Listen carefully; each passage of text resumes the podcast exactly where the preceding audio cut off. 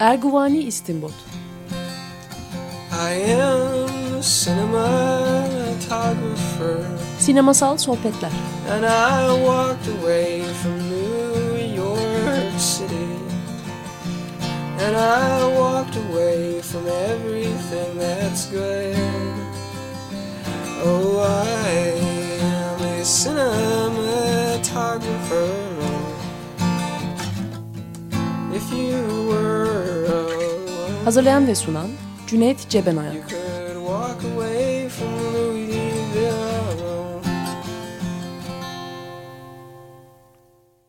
Merhaba 94.9 Açık Radyo'dayız. Ben Cüneyt Cebenoyan, konuklarım Engin Ertan ve Yeşim Tabak'la birlikte bugün e, Wim Wenders'in Dünyanın Sonuna Kadar Biz Ans Ende der Welt değil mi? Ya da Until the End of the World adlı filmini konuşacağız. Hoş geldiniz.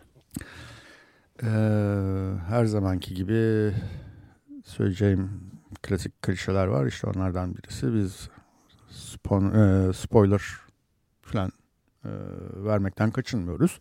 Filmleri seyrettiğinizi varsayıyoruz ama işte bir de özet geçiyoruz ki yakın zamanda seyretmediyseniz hatırlayınız diye.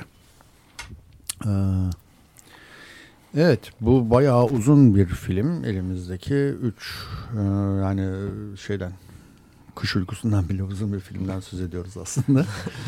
5 saat yaklaşık süresi. Evet 5 saat ve 3 bölüm üçleme triloji, trilogi, trilogi diye geçiyor. Wim Wenders'in e, en ihtiraslı, iddialı fakat gişede çok başarılı olamayan filmi. Evet.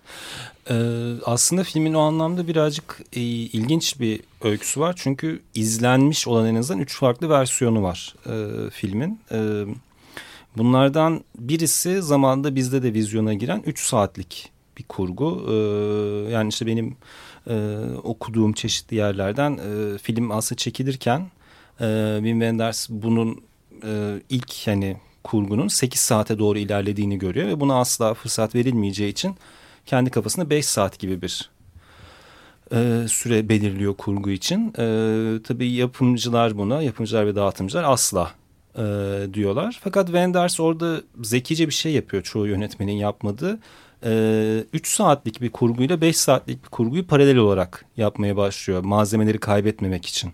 E, çünkü o zaman hani dijital falan gibi şeyler de yok hı hı. haliyle. E, ve 3 saatlik bir kurgu tamamlıyor. E, Amerikalı dağıtımcılar, Amerika'daki daha doğrusu e, dağıtımcı ki Warner Bros. onlar da 3 saate de kesinlikle itiraz ediyorlar. Onlar için ayrıca 2,5 saatlik bir versiyon daha yapılıyor. Amerika'da o 2,5 saat gösterime giriyor. Dünyanın geri kalanında işte bizde de dahil 3 saatlik versiyon gösteriliyor.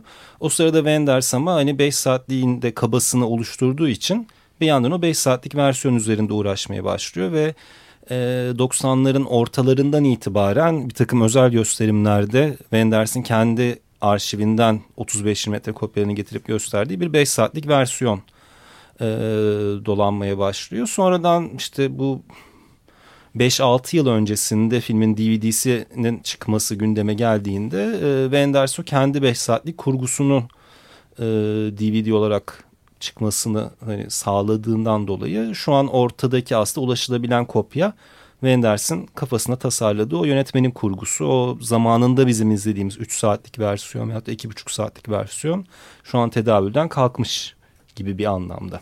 Hı hı. Ama 3 farklı versiyonu var filmin. Hı hı.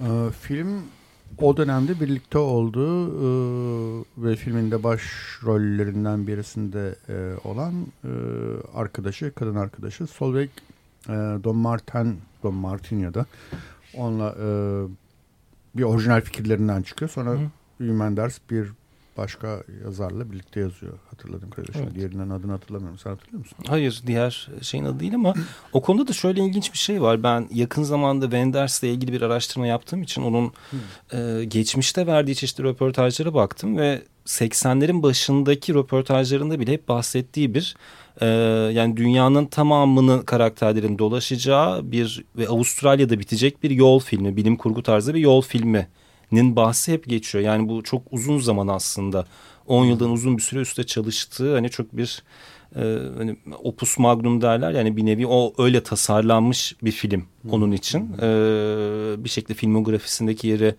e, genel algıda öyle olmadı belki. Yani o kadar beğenilmedi, karşılık görmedi ama çok büyük ve iddialı bir proje ve e, son halini işte Solveig Don Martin'le daha sonra değiştirmişler. Tabii ki hani aradan geçen zamanda eklenen şeyler olmuş. E, belli ki hikaye yani 80'lerin başında bu şekilde tasarlandığını zannetmiyorum ama... Hı hı. Ee, yani 80'lerin başındaki röportajlarda bile bu projenin bahsi geçiyor Hı -hı. Wenders'ın. Wenders'i aslında hep işte e, nasıl diyeyim daha çok 60'lar kuşağın Antonioni'ler vesairelerin devamı gibi görebileceğimiz öyle bir Avrupalı otör, otör kategorisindedir. Ama bir yandan da e, hani rock müzik tutkusu da, büyük bir kısmı oluşturmakla birlikte Amerikan kültürüne de ciddi bir hayranlığı olan bir e, Alman hı hı. E, yönetmen ve bu yol filmi tutkusunun da e, biraz oradan e, kaynaklanan bir şey olduğunu evet. düşünüyorum ben. Hı hı. Hatta şirketin adı da Road Movies. Evet. Yani, yol filmi çünkü çok Amerikan bir, bir şeydir. Evet, evet. Bunun da bir tür nihai yol filmi olmasını e, hedeflenmiş diye bir şey. Evet. Yok. Yani e, işte neredeyse dünyanın tamamını dolaşıyorlar ki neredeyse olarak kalmasının sebebi bütçe aslında yani. Bir de Çin'den izin çıkmıyor mesela. Gerçi orada bir video evet. röportaj şeklinde şey var ama. Mesela Güney Afrika için yazılmış olan bölümleri ve Güney Amerika hmm. için olan bölümleri para yetmediği için yapımcılar artık bizden daha fazla para çıkmıyor dediği için e, çıkartmak durumunda kalmışlar ki hani izlemiş olanlar hatırlıyorlardır belki bu pigme çocukların aslında hani Güney Afrika'ya en azından e, bağlanacağına dair bir e, ipucu bir şey var filmde oraya dair bir şeyler ama oraya gitmiyorlar. Gidilememesinin sebebi e, hikayenin orada onu hikayeye katamamalarının sebebi e, şeymiş e, yani bütçeyle ilgili sorunlar nedeniyle olmamış. Hmm. Ama pigmeler Güney Afrika'da değildi. Başka bir yerdeydi. Başka bir ülkedeydi. Aa, şimdi tam hatırlamıyorum ama Kongo Mongo mu atıyorum belki ama evet, Afrika, Afrika diyelim. Afrika diyelim. Güney Afrika değil de Afrika diyelim. Kusura bakmasın. Söylerimiz ama yani hani bütün kıtaları dolaşamamalarının sebebi e, o şey yani Afrika'ya gidememişler. Hani işte film Avrupa'da başlıyor Venedik'te. E, daha sonra Avrupa'dan Asya'ya geçiyorlar. E, Asya'dan Amerika'ya gidiliyor. Amerika'dan daha sonra Avustralya'ya e, geliniyor. E, Down Under yani zaten evet. dünyanın sonu e, Avustralya bir yerde. Peki filmin e, konusunu anlatmaya çalışalım. İlk bölümü bana oldukça karışık geliyor aslında. Yani bir türlü böyle tutturamadım. Yani ben ruh haline çok giremiyorum ilk e, hı hı. ilk bölümünün filmini ama son bölümünde bayağı gir, girdim diyebilirim. Yani sanki film bir iki bölümden oluşuyor gibi diyebiliriz. E, ikinci bölümü daha science fiction, bilim kurgusal. E, aslında filmin bütünü bir bilim kurgu. Yani 91'de çekildiğinde 99'u anlatan bir film bu. Ve 99 işte milenyum sonu korkusu da da biraz işliyor. Yani dünyanın sonunun gelme ihtimali olan bir durum var. E, çünkü bir Hint uydusu e, yörüngeden çıkmış, çıkmış ve dünyaya çarpma ihtimali var ve bunun bir nükleer tehlike de yaratması söz konusu. Amerikalılar o e, şeyi uyduyu e, yok etmeyi planlıyorlar ama bu uydunun yok edilmesinin de bir takım bir zincirleme bir başka reaksiyona yol açıp daha büyük sorunlar yaratmasından da korkuluyor. Bu e, şimdiden söyleyeyim aslında bana Gravity'yi de çok çağrıştırmıştı. Hı hı. Gravity'de de bir e, Rus uydusu öyle parçalanıyor ve onun yarattığı bir chain reaction, zincirleme e, reaksiyon bir sürü başka soruna neden oluyordu ki e, Gravity Sandra Bullock'un oynadığı bu yer çekimi diye mi oynadı? Alphonse Cuarón'un filmi. Ee, film sanki Sandra Bullock'un oradaki işte astronotuyla e, filmde Solveig Don Martin oynadığı karakter sanki buluşuyorlar da bir anlamda. O da astronot evet. olarak uzayda görüyoruz. Neyse böyle bir ortamda başlıyor film. Daha doğrusu böyle bir prologla açılıyor. Evet sonrası birazcık Wenders'in farklı ilgi alanlarını birleştiren bir şey. İşte mesela Yeşim'in bahsettiği Yol filmi var tabii ki. Ee, bir yandan da şeyi de çok sever Wenders dedektif hikayelerini. Hı hı. Ee, işte yani zamanda yaptı Patricia Highsmith'ten yaptı işte uyarlama vardı. Hı. Amerikalı arkadaş. Keza Amerika'ya ilk gittiği zaman Coppola'nın yapımcılığında e, Dashiell Hammett'tan yola çıkarak Hammett'ı çekmişti. Bir yandan bir dedektiflik hikayesi de söz konusu o ilk yarıda. E, onun favori oyuncularından birisi işte Rüdiger Fogler e, bir dedektif rolünde aslında biraz da beceriksiz bir dedektif ve o klasik Amerikan filmlerindeki fötür şapkayla falan dolaşan Berlinli bir dedektif ama. E, film e, işte Solveig Don Martin'in canlandırdığı karakter aslında varoluşsal bir boşluk içerisinde o milenyum korkusu ve e, dünyanın sonu geliyor mu endişesi içerisinde e, sevgilisi olan e, Sam Neill'dan Sam Neill'in canlandırdığı karakterden ayrılmış ve e, Avrupa'da şehirlerden şehire gezip hani e, bir hedonist bir yaşama kaptırmış kendini. Hani partiler ve tek gecelik ilişkiler arasında dolanıyor. Benim bunu biz dış ses anlatıcı sayesinde öğreniyoruz. Onun bir partide uyanıp e, partiyi terk etmesi Venedik'te film bununla açılıyor ama e, yolu işte e, hırsızlık banka soygunu yapmış olan bir e, Fransız ikiliyle kesişiyor. Sonra onlar için e, taşıyıcılık yaparken, kuryelik, kuryelik yaparken e, bu sefer başka bir e, aranan kişiyle William Hurt'un canlandırdığı e, ve kendi esas kimliğini gizleyen başka bir adamla tanışıyor. E, o ise filmde sonradan öğreniyoruz ki aslında görmeyen annesinin tekrar görmesini sağlayabilecek olan ve aslında babasının e, ica, mucidi olduğu ama Amerikalıların ondan çaldığı bir aleti bir kamerayı tekrar çalmış ve bununla dünyayı dolaşarak e, dünyayı... Trevor diye tanıtıyor ama aslında gerçek ismi Sam. Bu da çok soğuk savaş e, hikayesi evet. değil mi? Evet. Yani dünyaya dağılmış olan akrabalardan e, yani zaten mesela bütün o şey de İkinci Dünya Savaşı sonrası ruh hali hani Wenders'ın aslında içinde büyüdüğü şeyi çok ciddi anlamda taşıyan bir film. Yani bütün dünyanın her tarafına dağılmış olan bir aile söz konusu. Hı hı. Ee, onları bulup onlarla röportajlar yaparak kaydediyor ve bunları annesinin görmesini sağlayacak. Hı hı. Ee, işte Solveig Don Martin'in canlandırdığı Claire karakteri de ona bir şekilde aşık oluyor ve e, sürekli onun tarafından reddedilse bile ülkeden ülkeye onu takip ederek e, sürekli onu bir takım zor durumlardan kurtarmaya e, çalışıyor. Diğer adamlar Claire'in peşinden geliyorlar. Evet Claire tek kadın karakteri gibi bir e, konumda ve bütün evet. erkekler onu elde etmek, onun sevgilisi olmak için e, koşturuyorlar. Ve en sonunda da... Aslında bir tek şey belki yani Trevor Sam çok peşinden koşmuyor. O onun peşinden koşuyor evet. ama. Ama o da etkileniyor bir noktadan evet, sonra ondan. Evet. Yoğun ısrar. Yoğun ısrar sonucunda. Ve en sonunda e, Avustralya'da hepsinin yolları kesişiyor. Yani Sam'in de ailesine ulaşması sonucu. Orada e, işte Jean Moreau ve Max von Sydow canlandırmakta. Yani gerçekten aslında film akıl almayacak bir oyuncu kadrosu da e, söz evet. konusu. E, farklı kuşaklardan e, çok önemli oyuncuların yer aldığı ve tabii ki Max von Sydow, Jean Moreau bunlar birazcık Wenders'in kendi e, hayranlık şeydir. Hani kendinden önceki kuşaktan Avrupa sinemasından sevdiği yönetmenlere de belki işte ne bileyim Bergman'a veyahut da hı hı. E, Jean Moreau'nun hani çalıştığı yönetmenlere saymak hepsini mümkün değil. Hani Louis Malle'den e, kime kadar diyeyim hangi birini sayabiliriz evet. yani herkes. E, Malden Louis Mal'e kadar. e, onları da belki bir şey. E, böyle bir yapıda Avustralya'da tekrar hani bir araya geldiğinde hepsi daha bilim kurgu kısmının kendini gösterdiği bir şeye dönüşüyor diyebiliriz. Birazcık karışık bir öykü. Çok karışık bir öykü. Peki senin e, müzik ve işte filmle ilgi e, yani ilgi alanına girdiği zaman da Hı. önemli bir rol oynadığından söz etmiştin. Onu yani aktardıktan sonra bir soundtrack'ine de girelim. Evet.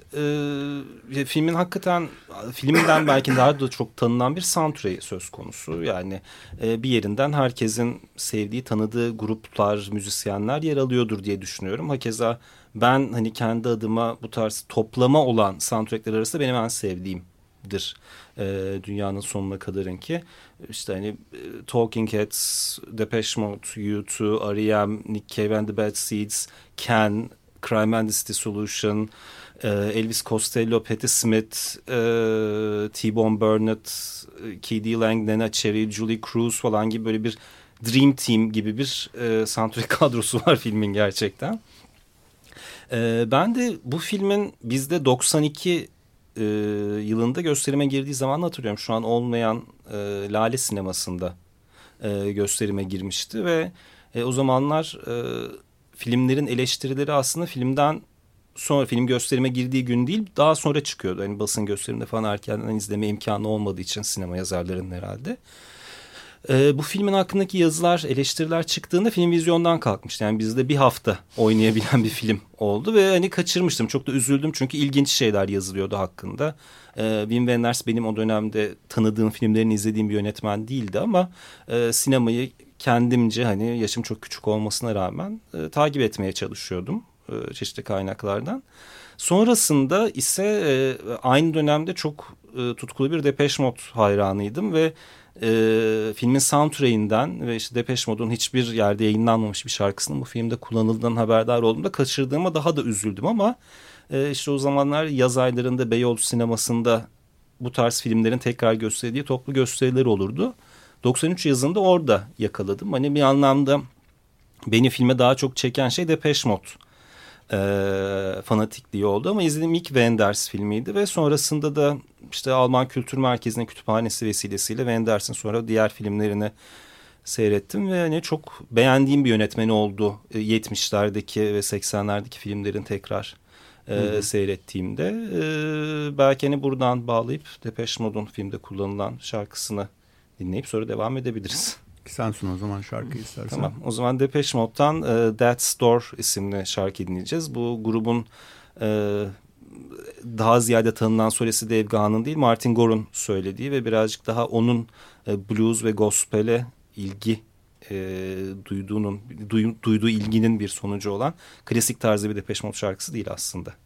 Evet That's Door Depeche Mode'dan dinliyoruz. 94.9 Açık Radyo'dayız. Erguvani İstinbot programında ben Cüneyt Cebenayan, konuklarım Yeşim Tabak ve Engin Ertan'la birlikte Wim Wenders'in Dünyanın Sonuna Kadar adlı filmini konuşuyoruz. Ee, Wim Wenders sineması hakkında temaları, e, onu ilgilendiren şeyler yani rock müzik, e, ondan zaten söz ettik. Daha sonraları dünya müziğine falan da kayıyor da. Ee, nedir yani Wim Wenders'i tanımlayan? Belki bir şey olarak da şunu söyleyebiliriz. Hani Wim Wenders tam 1945'te savaşın bitiminden bir iki ay sonra dünyaya geliyor. Ee, Wim Wenders bence her şeyden önce aslında e, günümüz için belki fazla naif bile kaçmaya başladı bu tarafı ama e, iflah olmaz romantik derken kastettiğimiz adam Wim Wenders bir kere böyle bir tarafı var e, kesinlikle.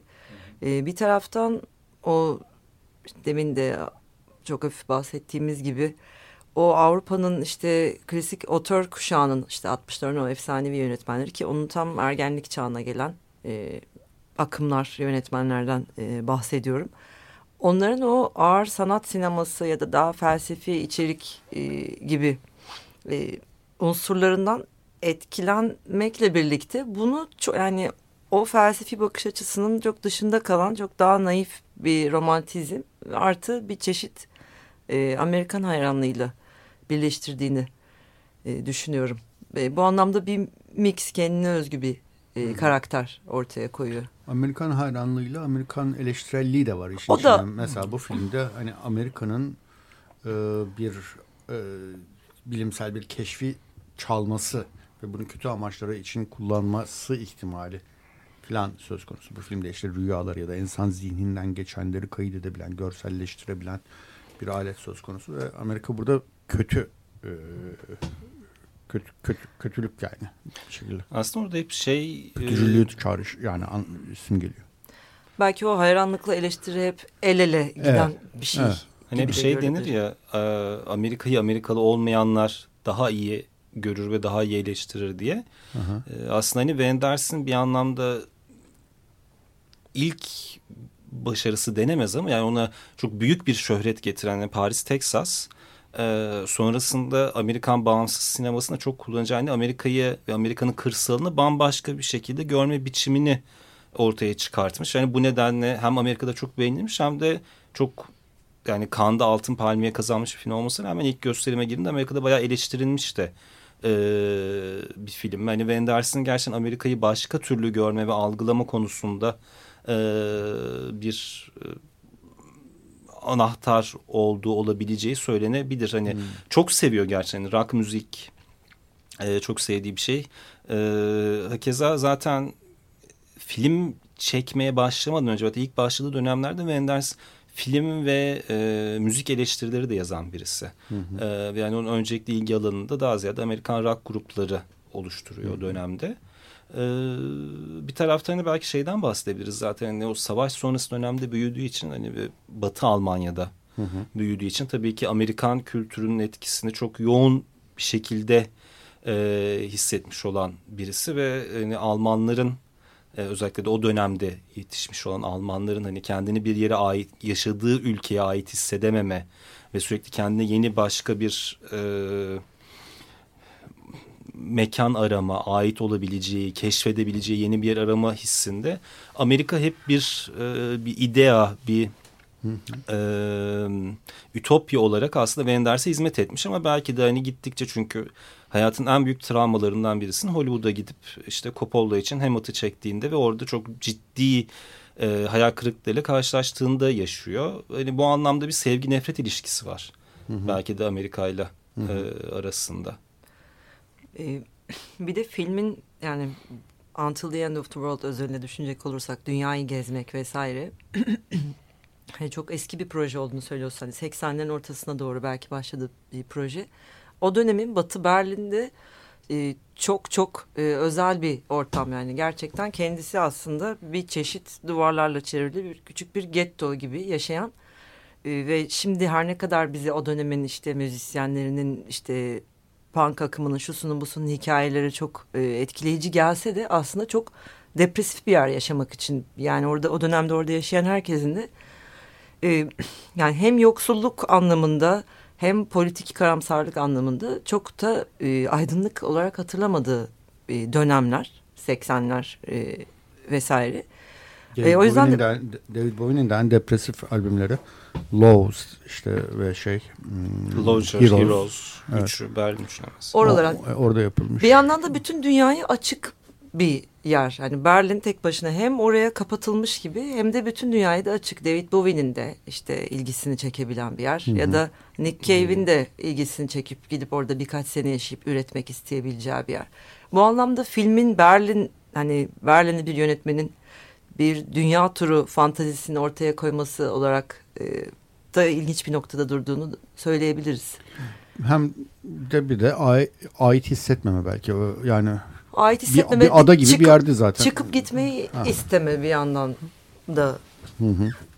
Aslında şimdi buradan belki biraz şeyden bahsedebiliriz. Hani benim o dönemde izlediğimde de çok etkilendiğim ee, bir tarafı. Yani şimdi izlediğimde daha da ilginç geliyor aslında.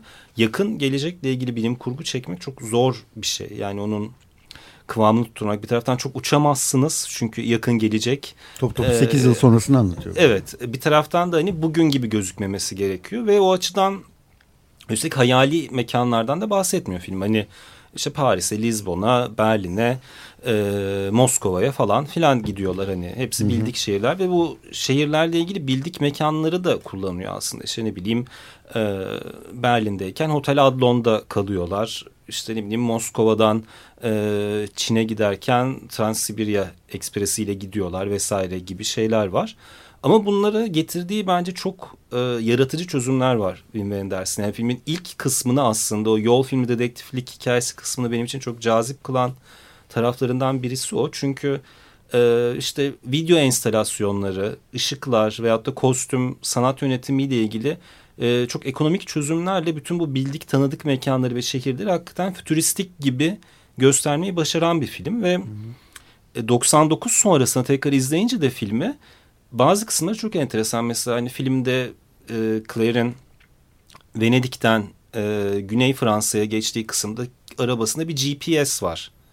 ee, mesela 91 yılında böyle bir şey kullanılmış olması filmde çok enteresan ve hakikaten birebir aslında bizim yaptığımız hani şuradan oraya dön burada trafik var gibi hani uydu yoluyla bunları e, söyleyen bir alet. Veyahut da işte Claire'in yanında aslında tasarımı o zamanki Game Watch'lara benzeyen bir el kamerası var taşıdı ve gittiği her yerde bunları çekip daha sonra e, telefon hatları aracılığıyla o videoları paylaşıyor mesela insanlar. Bu bugünkü evet. akıllı telefon kullanımına Aynen. çok yakın bir şey. E, ya da o Skype'ı. Veyahut da e, işte görüntülü telefonlar falan. Hı hı. E, o anlamda filmin aslında gelecek tahayyülü ve tasarımı başarılı da denilebilir epey evet. ve e, yani esas meselesi de görüntüyle kurduğumuz ilişki veyahut da görüntüler üzerinden birbirimizle kurduğumuz ilişki olduğu için filmin hı hı. şu anki hani sosyal medya ortamı ve yani bizim e, sosyal ilişkilerimiz, insanlar arası ilişkiler, bu görüntü ve görüntü kaydetme hastalığı bunu ne kadar etkiliyor açısından çok farklı bir noktada değiliz bu filmin anlattığı şeylerden sanki. Evet. evet. Şimdi konuşurken aklıma gelen bir şey var mesela Spike Jonze'un şu son filmi Her'de Hı. hani insanlar sürekli ellerinde cep telefonları onlardan bir şeyler izleyerek falan dolaşırlar. O da bir yakın şey örneğe sayılabilir. Ee, yakın gelecek. Yakın gelecek science fiction örneğe sayılabilir. Onda da işte bir iletişimsizlik ve o işte ne bileyim ben sanal ortam içinde kaybolma hikayesi var. Şimdi aklıma tam ne geldi hatırlamıyorum. ben mesela yani Her'deki e, Her'ın mesela ben o filmi çok beğenmedim Spike Jonze'un filmini ama o filmdeki benim en sevdiğim şeylerden birisi kostüm tasarımıyla yine bir e, hani sanal bir gerçeklik yaratıyor. Kostüm tasarımı da aslında hani beli yüksek pantolonlar falan çok ibaret, basit şeyler. Ee, ama, ama şey, işliyor. Sam Neill'in karakterinin o aptal kahverengi takım elbisesi filmdeki e, şeyin aptal kahverengi pantolonlarına da benzemiyor değil. Evet. Ee, neydi adamın adı? Phoenix. Jack, ho, Joaquin ho. Phoenix. Ha, ho, ho. Joaquin diyecektim. ho. ho. Ee, ama mesela Her yine bunu yaptığında ortada bir hani şu an e, akıllı telefon kullanımı hani bir e, sanal dünya içerisinde bir şeyimiz var. Hani bir ayakları bir yere basıyor evet. ama hani bu filmi 91'de aslında bunları yani tabii ki hiç düşünülmemiş, hiç tahayyül edilmemiş şeyler değildi. Hani simülasyon, sanal gerçeklik üstüne akademik ortamda çok yazıp çizilen şeylerdi belki ama hı hı. E, hani öngörüsü fena olan bir film değil bence. 99 sonrasında izleyince de e, hı hı. filme. E, o açıdan da hani bana enteresan evet. geliyor. Bir de mesela o e, rüya görüntüleri falan e, HD işte high definition teknolojisinin herhalde ilk kullanımları falan olabilir. Yani o, o, o teknolojiyle çekilmiş. Sony'den Sony'den yardım alınmış. Şimdi büyük birazcık aslında sanat filmi meşrebini hani çok belki ideal bir tabir değil sanat filmi ama yani bu tarz daha Avrupa sineması hani Aha. E, belirli bir kitleye hitap eden yönetmen öyle bir film şeyinin meşrebini bayağı aşan evet. bir bütçesi var filmin. Hani Warner Bros'un Sony'nin hmm. işin içine girmesi bunları etkilemiş tabii. Bir de aslında Aha. geleceğe bakarken yine bin, bir anlamda bir nostalji hissiyatı da var. Hani hem bir gelecek tahayyülü var hem de bir yandan da tipik bir işte film noir kostümü hmm, olan hmm. işte fötür şapka da orada. Hmm. Yani geçmişle gelecek arası evet. Retrofütüristik bir şey var evet. Yeah. Um, Ki hmm. 90'ların da tam bir geçiş dönemi olduğunu düşünürsek filmde tam o dönemin başına geliyor anlamlı aslında. Yani bir şeylerin bitişini belki insanların hissetmeye başladığı bir dönem. 90'lar aslında depresif bir dönemdi. Müziğiyle, filmleriyle bakınca hani hep bir hı hı. bir melankoli, bir felaket beklentisi içeren bir ya 10 zaten yıl. 80'ler yani o neoliberalizmin vesairenin işte Thatcher'ın, Reagan'ın vesaire bir umut bırakmadıkları bir dönem. Umutsuzluğun kabul edildiği ha. bir Evet. Gerçi bir de, bir de şöyle bir şey de vardı. Hani dünyanın sonu diyoruz da o zamanlar mesela bir de ideolojilerin sonu, tarihin sonu falan gibi kavramların da e, sanırım gündemde olduğu zamanlardı. Çünkü sosyalist sistem çökmüştü ve artık kapitalizmden başka bir gerçekliği kalmamıştı dünyanın. Hani Küba'yı ve işte Kore'yi falan saymazsak ki onlar da çok istisnai oldukları için dikkate alınmayabilecek kadar ufak örnekler olduğu için. Yani Ama dünya sistemi açısından şey öyle bir şey de vardı yani. Evet, bir, öyle bir öyle bir yenilgi hissi. Yenilgi bir yandan bir yandan da diğer tarafın zafer ilan ettiği, zafer çığlığı attığı bir dönem yani. işte biz artık e, tek seçeneğiz ve dünyanın tarihin sonu geldi yani. Bundan evet. daha ötesi yok kardeşim yani işte. Ya şey kısmı enteresan filmin bir de e, işte 91'de çekilmiş bir film ve aslında bütün dünyayı dolaşmak üzerine kurulu ama e, işte bir taraftan da iki yıl öncesine kadar aslında bir takım kapıların kapalı olduğu geçiş imkanlarının olmadığı bir şey. Evet. Ee, bunun ortadan kalktığı bir dönemde çekil, bir hmm. film mesela hani ve Alman bir yönetmenden bahsediyoruz. Filmin Berlin'de geçen belli bir dönemi hmm. var ama mesela o kısımlarda çok fazla da üstüne gitmemiş. Hani Birleşmiş Berlin 99'a nasıl olacaktı? Hı hı. Onunla çok fazla uğraşmamış veyahut da e, Doğu bloğu yani ya da eski Doğu bloğu ülkelerinde çok fazla çekim yani çok fazla hiç çekim yapmamışlar. Yani Moskova'ya gidiyorlar e, daha sonrasında ama ya o anlamda da filmin enteresan bir nostaljisi var. Hani bir hı. taraftan tam o e, işte yani duvarların yıkıldığı, e, işte Sovyetlerin dağıldığı, Doğu bloğunun parçalandığı bir e, dönemden bahsediyor. Yani Avrupa'nın içerisinde hem bir taraftan daha hareket alanlarının genişlediği belki hareket özgürlüğünü oluşturan bir yandan da çok büyük bir kaosun e, yaşandığı bir döneme denk geliyoruz. Hani film o anlamda da garip bir hissiyat taşıyor. 99'da geçen bir hikaye anlatıyor olmasına rağmen hı hı. çekildiği dönemin hissiyatını görüyoruz. Hani onu algılayabiliyoruz hı hı. filmde. Filmin ilk bölümü bir tuhaf bir hissiyat olduğunu da düşünüyorum. Şöyle bir şey var. Yani mesela işte Solveig'in yaşadığı bir yabancılaşma ve işte aidiyetsizlik vesaire duygusu var. Ve e, fakat film çok da hafif yani mesela banka soyguncuları iki Eddie Büdü falan gibiler. İşte e, ne bileyim ben hiç kimse çok kötü değil. İşte dedektif kötü değil. İşte ne bileyim ben Amerikalı peşinden koşan adam da hani öyle bir e, her şeyde bir hafiflik var. Her şeyde bir e, komiklik falan da var. Yani bir, bir hafif komedi gibi de gidiyor. Yani bir yandan ağır meselelerden söz etmesine rağmen filmde öyle bir şey de var. Hatta Japonya kısmı baş başına slapstick komedi gibi neredeyse. Hmm. Ee, yani çekimi ve oyunculuğu da e, öyle o bölümün. E, o yüzden bilinçli hedeflenmiş bir şey. Belki de hani başka türlü bu kadar uzun süreli bir şeyde hani seyircinin ilgisini ayakta kalamayacağını hı hı. düşündüler bilmiyorum.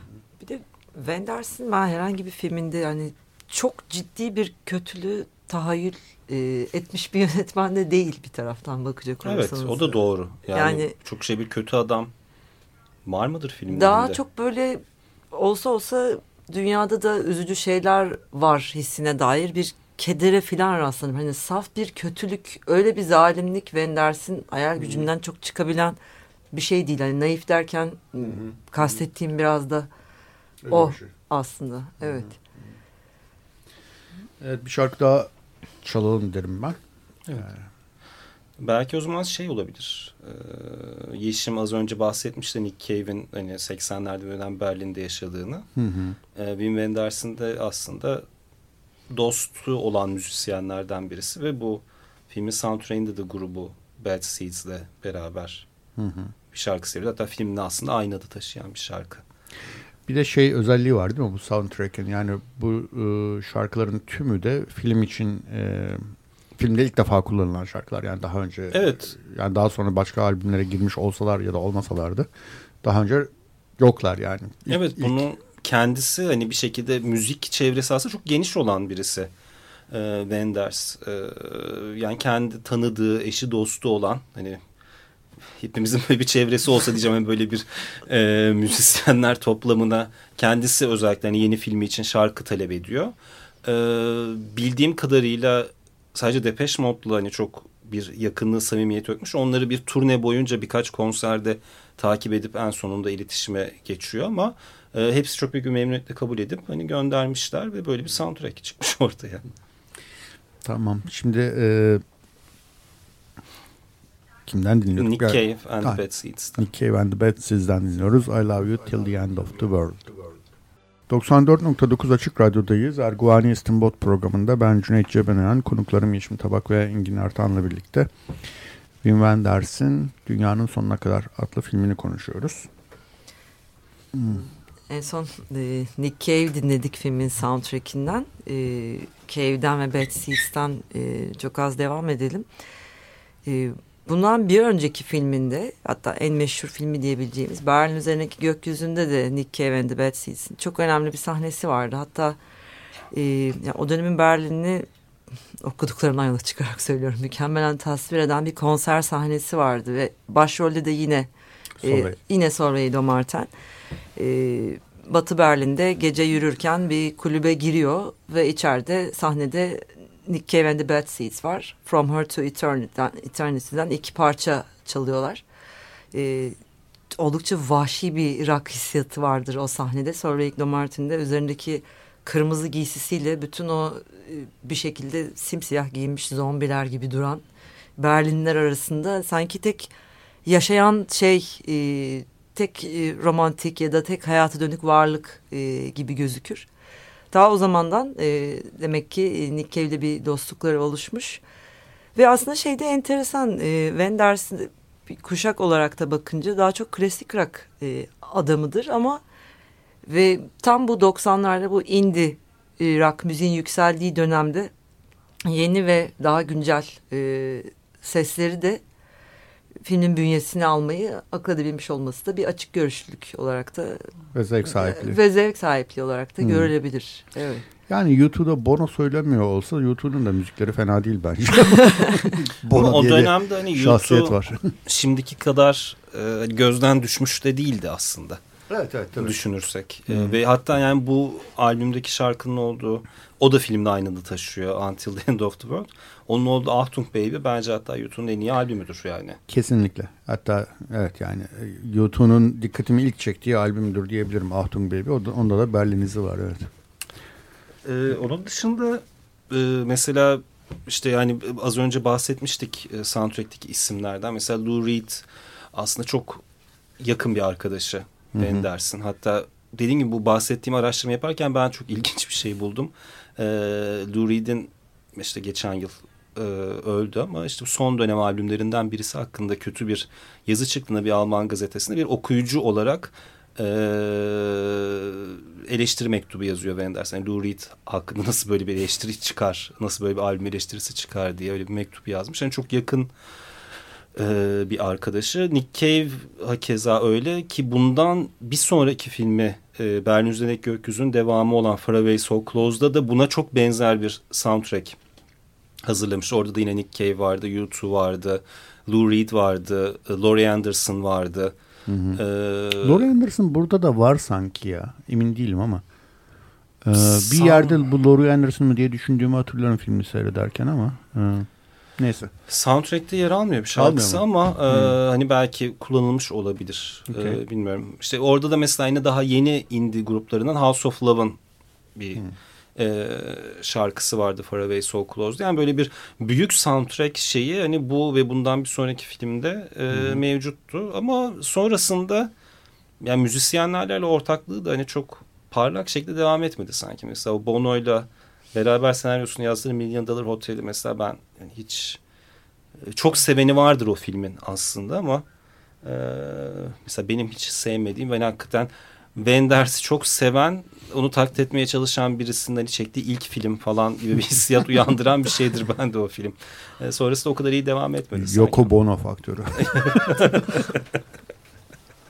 Olabilir evet Zaten Bono. sonrasında Wenders'in kariyeri genel olarak çok parlak seyretmedi sanki. evet evet. Ondan sonra bir düşüşe geçti. Evet hani bir o yani kaçınılmaz bir şey. Yani hep kariyerinin üst noktasında kalamıyor bu tarz yönetmenler ve bir süre sonra devam ettikçe hani giderek kendisinin parodisine dönüşme tehlikesini her zaman taşıyorlar. E, Wenders hani Yeşim'in bahsettiği gibi aslında çok e, bir taraftan hani romantik işte ne bileyim varoluşçu fikirler e, birazcık idealist bir e, taraf. Yani o Hı hı. mesela yani kendi jenerasyonundan Fassbinder falan gibi acımasız değildir aslında o en e, veyahut da Herzog kadar deli değildir. Hep onlar oranla daha düzgün bir insandır diyebiliriz. ee, şeyde mesela bu filmde kullanılan Talking Heads'in Sex and Violence diye bir şarkısı vardır. O aslında Wenders'in bir bu film için yapılırken Wenders'in bir lafını alıntı olarak hani onun işte benim seks ve şiddetle işim olmaz daha ziyade saksofon ve kemanları severim diye Wenders'in kendisinin bir lafı vardır. Yani ona atfen Hmm, aslında hmm. konmuş bir şarkı ismi. Daha böyle bir hani idealist daha Hmm. Almanların Gutmensch dedikleri hani iyi insan eee şey var ve o bir yerden sonra tabii ki çok kullanıldıkça giderek klişe ve daha banal bir şeye dönüşebiliyor. Hani işte bu 90'lar sonu ve 2000 sonrasındaki Wenders filmlerinin belki de handikapı o oldu birazcık. Peki filmin bayağı açık bir mesajı var sanki. Yani e, işte imgeler dünyasının bir şekilde bir hastalık yarattığı ama işte sözün insanlığı kurtaracağı, hikayelerin anlatılmasının insanı kurtaracağı gibi bir sav sözü olduğu belki söylenebilir filmin. Belki değil hatta öyle çünkü hani Claire sevgilisinin e, işte o uydu patlatıldığında aslında bütün elektronik eşyalar e, bozulduğundan dolayı e, eski bir daktiloda bitirmek durumunda kalıyor yazdığı romanı ve Claire onun daktilodan aldığı çıkışlarla kendisinin baş kahramanı olduğu romanı okuduğunda bir şekilde o imgeler dünyasının esaretinden Kurtuluyor. delirmenin eşiğindeyken oradan Hı. kurtulması o şekilde oluyor. Bana e, hani Gravity'den söz ettim. Bir başka film neredeyse e, bu ikinci bölümünün temasını aynen almış gibi geliyor. Neredeyse aynen almış gibi geliyor. E, Inception yani başlangıç filminde çok benzer şeyler var. Orada Marion Cotillard'ın canlandırdığı Mal karakteri e, rüyalar aleminde kaybolmuş bir karakterdir. Daha doğrusu oradan çıkmak istemeyen bir karakterdir ve e, şeyde e, DiCaprio da e, onu oradan e, kur, kurtar yani yani gerçek ilişkilerinde onu oradan kurtarmaya çalışan adamdır. Ee, sonra e, orada işte Cillian Murphy'nin canlandırdığı karakter babayla sorunu olan klasik baba oğul e, çelişkisini yaşamaktadırlar. Babasının kendisini hiçbir zaman beğenmediğini falan düşünen bir e, birisidir. Burada da e, Trevor Sam karakterinin öyle bir konumu var. Babasıyla ilişkisinde yani o, o şeyi çalmasında sadece annesine e, kör annesinin görmesini sağlamak değil. E, babasının keşfettiği o beyin dalgalarını Hı-hı. görselliğe çeviren cihazı çalmaktaki tek amacı annesinin görmesini sağlaması değil. Aynı zamanda babasının da e, teveccühüne ne de diyeceğiz artık nesine işte yani takdirine şayan olmak gibi bir derdi var. Ve, ve hatta bir de işte Sem'in e, Sem'in diyorum pardon şeyin Sem'in mi? Evet evet Sem'in bir de karısı ve çocuğu var. Yani film boyunca hiç görmediğimiz Hı. adından söz edilen. Ama filmin sonunda onlara dönüyor. Yine tıpkı Leonardo DiCaprio'nun hani hı hı. O, filmin sonunda çocuklarına kavuşması gibi. Ve yani çok temel olarak bir de hani insanların birbirlerinin rüyalarına evet. E, müdahale etmeleri, izleyebilmeleri, içine girebilmeleri falan gibi bir Evet, evet. yani var. bir yine rüyalar alemine sokan bir araç var yani bir alet var, bir, bir teknoloji var yani ikisinde Hı -hı. de. Bu, bana e, film seyrederken şaşırtıcı derecede büyük bir benzerlik olduğunu düşündürttü iki film arasında. Evet. Hmm, öyle. Tabii Inception çok daha fazla işin aksiyon, görsel evet. efekt vesaire Evet, evet. Öyle bir şey var. tarafında yani. Şimdi böyle tabii, dedikten tabii. sonra sen Cüneyt Inception sevenler bu filme bakarlarsa ha. sıkıntıdan patlayabilirler gerçekten. Çünkü belki Inception meraklılarını yani e, hani işte yeri geldi diye söylemiş. Yani çünkü öyle hani zekice, e, kurnazca numaralar, trikler seven, e, işte birazcık da aksiyon olsun, birazcık da büyük bütçeli olsun ama e, çok da aptalca olmasın zeki numaralarına yatsın tarzı blockbuster sevenlere hitap eden bir film değil tabii pek bu. Bu uyarıda yapılmış aslında. Neticesi ben Inception'ı ve genel olarak Christopher Nolan'ı belki hiç sevmediğimden ve aslında bayağı bütün o zekilik numarası altında altında çok boş olduğunu ve hani çok bildik şeyleri tekrar ettiğini düşündüğümden dolayı belki hmm. öyle demişimdir. Bilmiyorum. Valla ben Inception'ı e, da böyle bir insani bir hikaye var gibi e, hissettiydim. Yani o bütün o yani işte James Bond filminden çıkmış aksiyon sahneleri falan gibi o karlarda bir şeyler falan filan. Onlar da fena halde sıkılmıştım ama bir yandan da böyle bir bana dokunan bir yanı garip bir şekilde olmuştu e, filmin. Yani o işte çocuklarını kaybetmiş adam falan filan böyle bir babayla işte hikayeler falan. Onlardan ben bir şekilde öyle bir şey süzmüştüm. Yani evet var hani Inception'ın bir... Yaratıcı okuma. Yaratıcı okuma. İnsani bir tarafı ama bir taraftan da bu işte mesela geçen haftada Tarantino'yu konuştuk. Hani bu referans üzerinden sinema yapmakta mesela Nolan'ınkiler bana tamamen hani yapıştırma gelir her zaman bu kara filmden alıp koyduğu şeyler. Hani sadece biliyorum bakın bu bu yüzden burada demek için orada gibi. Hani mesela Batman'i ciddileştirmek gibi. Ay onları falan. sevmiyorum ben de. Yani o zaten blockbuster dünyası bir de böyle bir büyük anlamlar yar- bulma, bu- bulanlar biraz yani küçük anlamların insanları diye düşünüyorum. Çizgi romanları ciddileştirmek de çağımızın hastalığı diyebiliriz aslında. Evet. yani mesela bu anlamda hakikaten Tarantino'nun işte geçen hafta konuştuğumuz yaptığı şey çok daha manalı geliyor bana. Hani orada gerçekten bir sevginin karşılığını bul- görüyorum. Veyahut da hani hakeza Wenders'ın bu filmde de böyle bir hikayenin içerisinde işte kara film olsun, yol filmi olsun bütün bunları kullanması, belli bir hafiflikten imtina etmiyor olması bana çok daha dürüst ve doğru geliyor. Ee, bir hani çizgi roman veyahut da blockbuster malzemesini alıp bakın ben buna işte e, felsefi şeyler de koydum. Bakın işte hani Nietzsche'den şey de yaptım falan. Bunlara girmek bana hani hakikaten ortaokulda e, arkadaşlar ne kadar zeki olduğunu ispat etmeye çalışan bir çocuğun debelenmeleri gibi geliyor. O yüzden şey diyorum hani bu Rushmore'da bir e, Jason Schwartzman'ın canlandırdığı karakter vardı yani o öyle o tarz bir sendrom bu yönetmenlerde olan o yönetmen jenerasyonunda olan bir şey sanki Nolan ve benzerlerinde. Ya.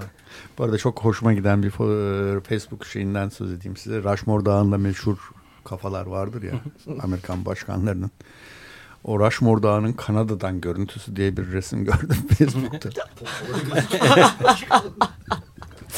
E, bir, öbür taraftan bakışa karşıdan bakışa bakmak lazım bak her zaman.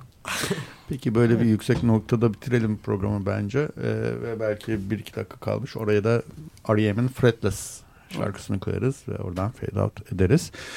Engin Yeşim çok çok teşekkür ediyorum. Sağ olun. Şahane iki program oldu bence. Teşekkür ederiz. çok teşekkürler.